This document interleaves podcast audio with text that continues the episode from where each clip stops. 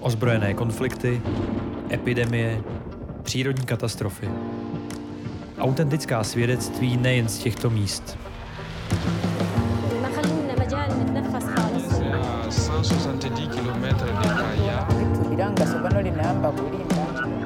Posloucháte podcast Lékařů bez hranic. Mlčení zabíjí. Můj kolega v Lékařích bez hranic, se kterým jsem pracovala v Brazílii, měl strýčka, který dostal covid. A v tu chvíli to byla druhá vlna v její největší síle a nemocnice nepřijímali. Přijímali pouze lidi, kteří už měli svůj cylindr s kyslíkem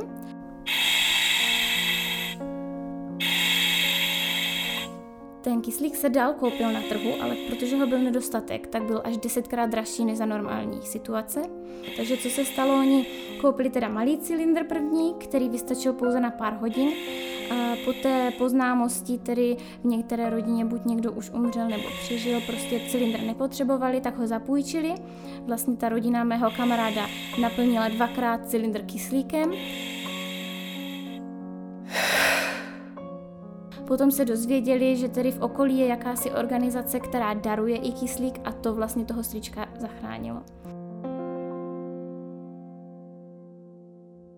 Když si vezmeme, že průměrná mzda v Brazílii je asi tisíc reálů, tak oni dohromady za tu celou léčbu dali 15 tisíc reálů.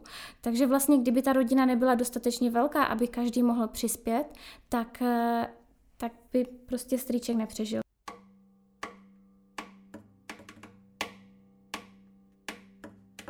Nikola Sklenovská je epidemioložka. U lékařů bez hranic patří mezi nováčky. Za sebou má teprve první misi, na kterou se ale vydala doprostřed urgentní krize. Nedávno se vrátila z Brazílie, kde strávila něco málo přes dva měsíce. Předtím, než se přidala k lékařům bez hranic, pracovala například pro Světovou zdravotnickou organizaci v Ženevě, pro hygienickou stanici v Praze nebo jako vědkyně na českých i zahraničních univerzitách. Co tě vedlo k tomu se k lékařům bez hranic vůbec přidat? Začala jsem mé studium biomedicínské vědy, takže vlastně zaměření spíše na eh, vědeckou kariéru, třeba v laboratoři. A to bylo velice zajímavé z technického hlediska. Třeba jsem přišla na nějakou proteinovou interakci nebo nějaký gen ve vzorku, tak to byl úspěch, ale Prostě počase jsem si uvědomila, že toto není práce pro mě. Chtěla jsem, aby jsem, aby jsem se mohla pohybovat rychleji, aby jsem, aby jsem vlastně mohla ty poznatky hnedka uplatnit v něčem praktickém. A potom teda, když jsem byla v Belgii, kde jsem to studovala, tak jsem měla možnost vlastně přijít na to, že existuje něco, jako je mezinárodní veřejné zdraví. A to mě opravdu chytlo, začala jsem se o to zajímat víc a potom, když jsem pracovala ve Světové zdravotnické organizaci, tak jsem vlastně zjistila, že to je něco, co, co mě opravdu strašně baví. A proto jsem začala tedy studovat veřejné zdraví se zaměřením na infekční nemoci. Ta infekční nemoc není pouze technický problém, je to vlastně i problém sociální. Vlastně musíme uh, si dávat pozor na, na hodně věcí, musíme spolupracovat s hodně uh, různými lidmi a různými obory a proto tohle bylo něco, v čem, v čem jsem se našla. A vlastně uh, při té zkušenosti se Světovou zdravotnickou organizací, která mě velice bavila, pořád vlastně jsem chtěla něco víc. Chtěla jsem nejen ty státy nebo ty, uh, ty problémy uh, pozorovat povzdálí, ale chtěla jsem si uh, takzvaně zašpinit ruce. Chtěla jsem být ta, která vlastně ty data sbírá, anebo proti té nemoci bojuje přímo a nejen pouze jako podpora. Takže jsi chtěla do terénu a to si našla u lékařů bez hranic. Přesně tak. Ty jsi zmínila infekční nemoci. Máš jako specializaci nějaké zužené, jako nějaké konkrétní nemoci nebo obecně? Ta specializace ve veřejném zdraví, kterou jsem udělala, je spíše teda na kontrolu nemocí obecně. A potom se ten člověk specializuje tedy spíše uh, tou prací, vlastně těmi zkušenostmi, které postupně sbírá. A u mě to teda byly uh, nemoci, které je to tedy v angličtině emerging diseases, nevím, jak přesně to přeložit, jsou to tedy spíše nově se objevující nemoci, nebo takové ty menší nemoci, jako Zika, opičí neštovice, Ebola, které jsou zajímavé v tom, že třeba o nich tak mnoho lidí neví, ale vlastně pořád jsou to nemoci, které můžou zasáhnout všechny na celém světě. Ne, není to pouze třeba v Africe nebo v Ázii, jak si mnoho lidí myslí.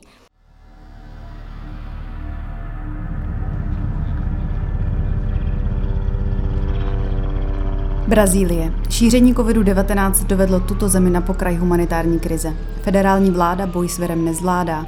Zatím stále neexistuje koordinovaný a centralizovaný zásah. Relativně nedávno, v dubnu 2021, zažila země obzvlášť těžký měsíc. Virus v zemi tehdy zabil zatím nejvíce Brazilců od začátku pandemie. Tehdejší zprávy, které z Brazílie přicházely, udávaly, že nemocnice jsou na pokraji kolapsu. Jednotky intenzivní péče byly plné. Pacienti umírali bez přístupu k lékařské péči. Zdravotníci byli vyčerpaní. A právě do Brazílie jela pomáhat i epidemioložka Nikola Sklenovská. Když si do Brazílie odjížděla, a připomeňme, že to bylo ve státech eh, Amazonas a Rondonia, země se zmítala ve druhé vlně COVID-19. Jak situace vypadala, když si na místo dorazila? Když jsem teda výjížděla, tak byl velký nátlak na to, abych mohla se dostavit co nejdřív, že opravdu ta situace nebyla dobrá, byla špatná a každý den byl důležitý. A po příjezdu opravdu první den eh, při mém briefingu s vedoucím mise mi řekli, že opravdu situace se zlepšila, což je samozřejmě dobře, ale to i poukazuje na to, jak těžké je sledovat anebo také následovat COVID jako takový, protože ta epidemie v tom určitém lokálním místě uh, prostě může, to se může obrátit velice rychle po zavedení nějakých opatření. A tedy uh, v tu chvíli teda jsme začali zavírat některé z našich projektů a začali jsme přemýšlet teda, kde je potřeba jinde v zemi vyšší.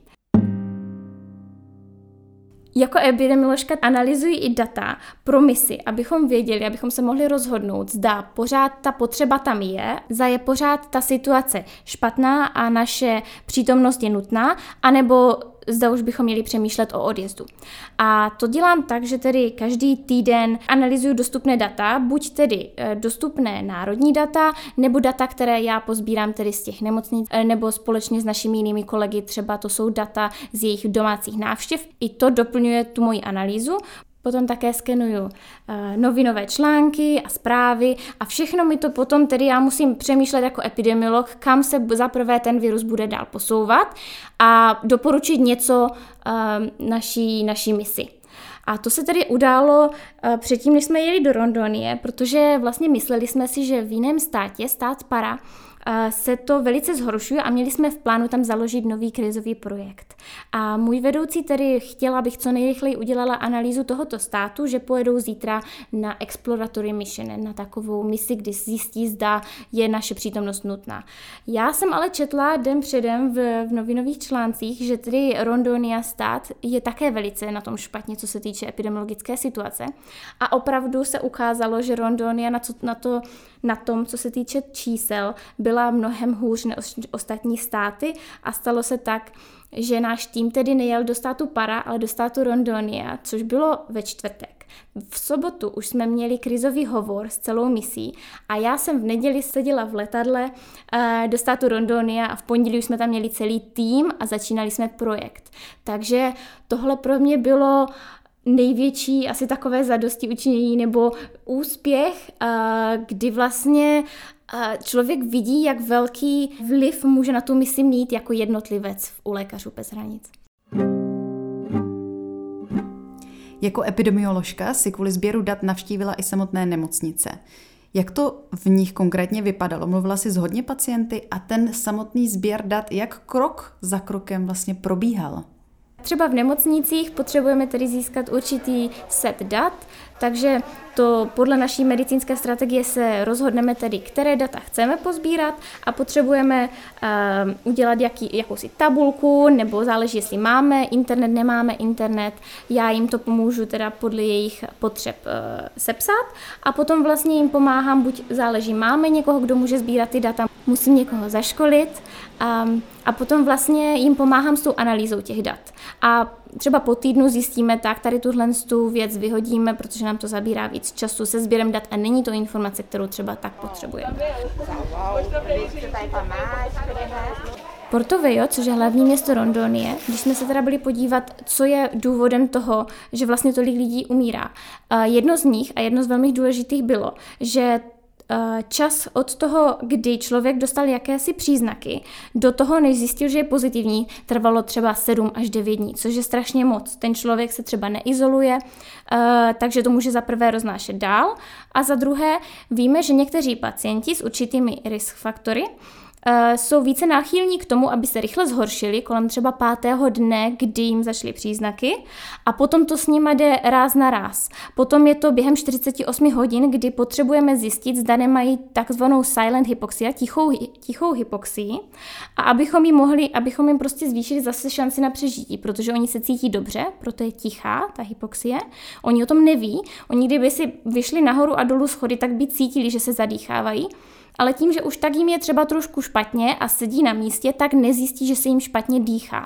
A takže vlastně naše strategie byla, byla v tom, díky tomu, že PCR a laboratoře nestíhaly, antigenní testy, které mají dneska tu senzitivitu už 85%, tak jsme teda do určitých míst se snažili založit teda antigenní testy, abychom snížili nátlak na ty laboratoře.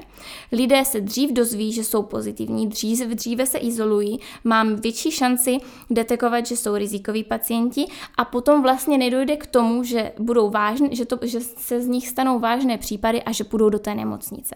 Takže vlastně, když jsme se rozhodli něco takového udělat, potřebovala jsem vědět, jaké data máme, abychom mohli zjistit. Zda to, že zavedeme antigenní testy, něčemu pomůže. My nemůžeme samozřejmě jenom říct, tak jdeme to udělat, snad to bude fungovat. Musíme k tomu mít nějaký důvod, proč to zakládáme, což je třeba tady tento výzkum, co jsme si udělali po příjezdu plus samozřejmě data už z literatury z předchozích případů a potom to potřebujeme dokumentovat.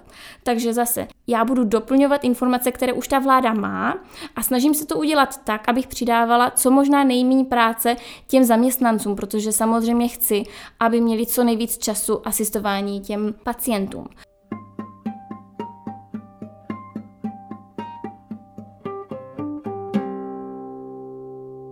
Při boji s COVID-19 je často něčeho nedostatek. Zmínila si už kyslík. Co ostatního chybělo? No hlavně místa, hlavně lůžka a zdravotní personál.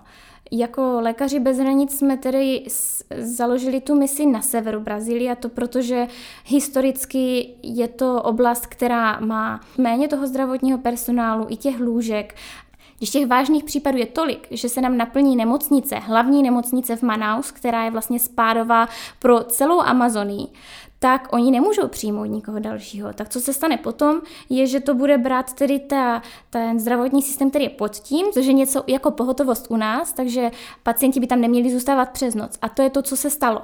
Takže uh, my jsme začali přeměňovat místo, které není připravené na to, aby pacienti zůstali přes noc, na místo, kde mají mít pacienti uh, přístup k péči, která je na úrovni druhého, třetího stupně, je jednotky intenzivní péče. A to je to, co jsme udělali třeba v Manaus jako lékaři bez hranic. Pojďme se vrátit ještě k opatřením, která na místě byla zavedena. Dodržovala se?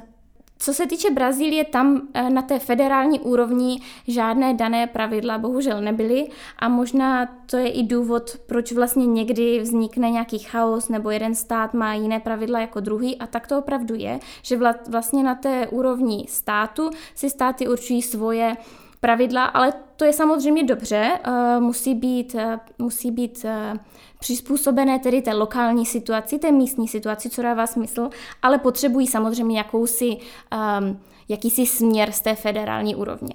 A tedy opatření byla různá v různý čas. Třeba v Rondony ke konci mé mise jsme měli, samozřejmě roušky byly povinné všude, um, byl zákaz vycházení večer, myslím, mezi 6 hodinou a potom se to změnilo na 11, když se situace začala zlepšovat. Opravdu jsem tam byla já, tak, tak jsem viděla, že že ti lidi mají prostě respekt z, toho, z, té, z té nemoci, dá se říct, a, a dodržovali to. Jaká byla na místě situace, co se týče očkování a testování? Očkování bylo pomalé, samozřejmě eh, kampaň začala, ale eh, s tím tempem, které vlastně bylo v tu dobu, kdy jsem tam byla já, tak jsme počítali, že by to trvalo třeba dva roky, než se ta populace naočkuje, což je nedostatečné, ale očkovalo se a lidé měli zájem. Eh, jako člověk, který studoval biomedicínské vědy, jsem velký zastáncem očkování, protože je to náš největší vlastně vynález, co se týče biomedicíny. A v době ještě k tomu, že jsem pracovala na opičích neštovicích a na, v pravých neštovicích v tomto oboru, tak vlastně ta vakcína byla poprvé vynalezena pro ty pravé neštovice. Eh, takže pro mě je to velká srdcovka a vlastně předtím, než jsme tu vakcínu vynalezli, tak když lidé vlastně měli ty pravé neštovice a byli obalení tou vyrážkou, tak co oni dělali je, že vlastně sundali tu suchou vyrážku, potom ji rozmělnili na prášek a lidé si potom škrábali kůži a vlastně eh, dávali si do sebe malé množství toho viru, protože zjistili, že vlastně to jim pomůže se potom vypořádat, pokud by měli být ve styku s tím pravým virem. A to je vlastně celý nápad očkování a vlastně je to bezpečná metoda, která zachraňuje životy a, a měli bychom ji slavit. Dokázala bys Nikol laicky vysvětlit, jak vlastně probíhá to, že vir mutuje a vznikají varianty nové a proč vznikají právě v Brazílii? Každý vir uh, mutuje, to je vlastně jeho normální vlastnost.